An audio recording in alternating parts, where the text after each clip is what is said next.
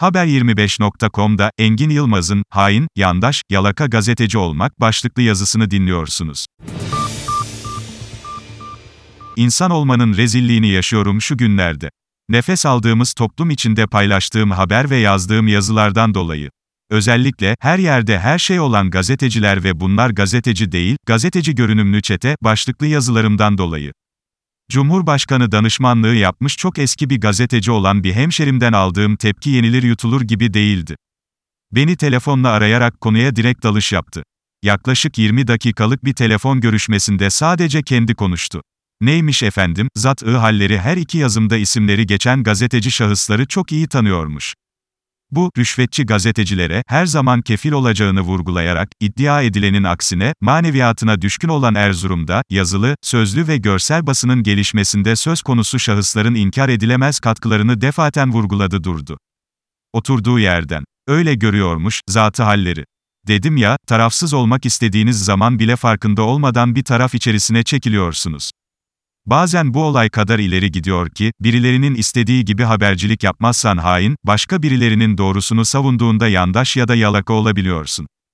B. Sineği gibi hep bir şeylere yapışma gayretinde olan insanların hakkımızda verdiği yargısız hükme çaresiz boyun eğiyor, üzülüyoruz.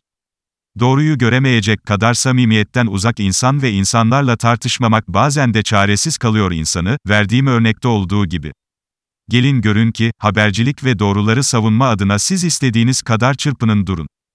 Kimin umurunda? Dünyanın en saygın mesleği olarak kabul edilen bu medya sektöründe çamura batmış insanlarla işiniz gereği iletişim kurduğunuz an, dokunmadığınız halde bile o çamur üzerinize sıçrayabiliyor.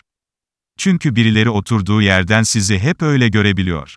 Objektif kalmak, en azından kendimize olan saygınızdan dolayı sahip olduğumuz doğruları savunmak imkansızlaşıyor gibi.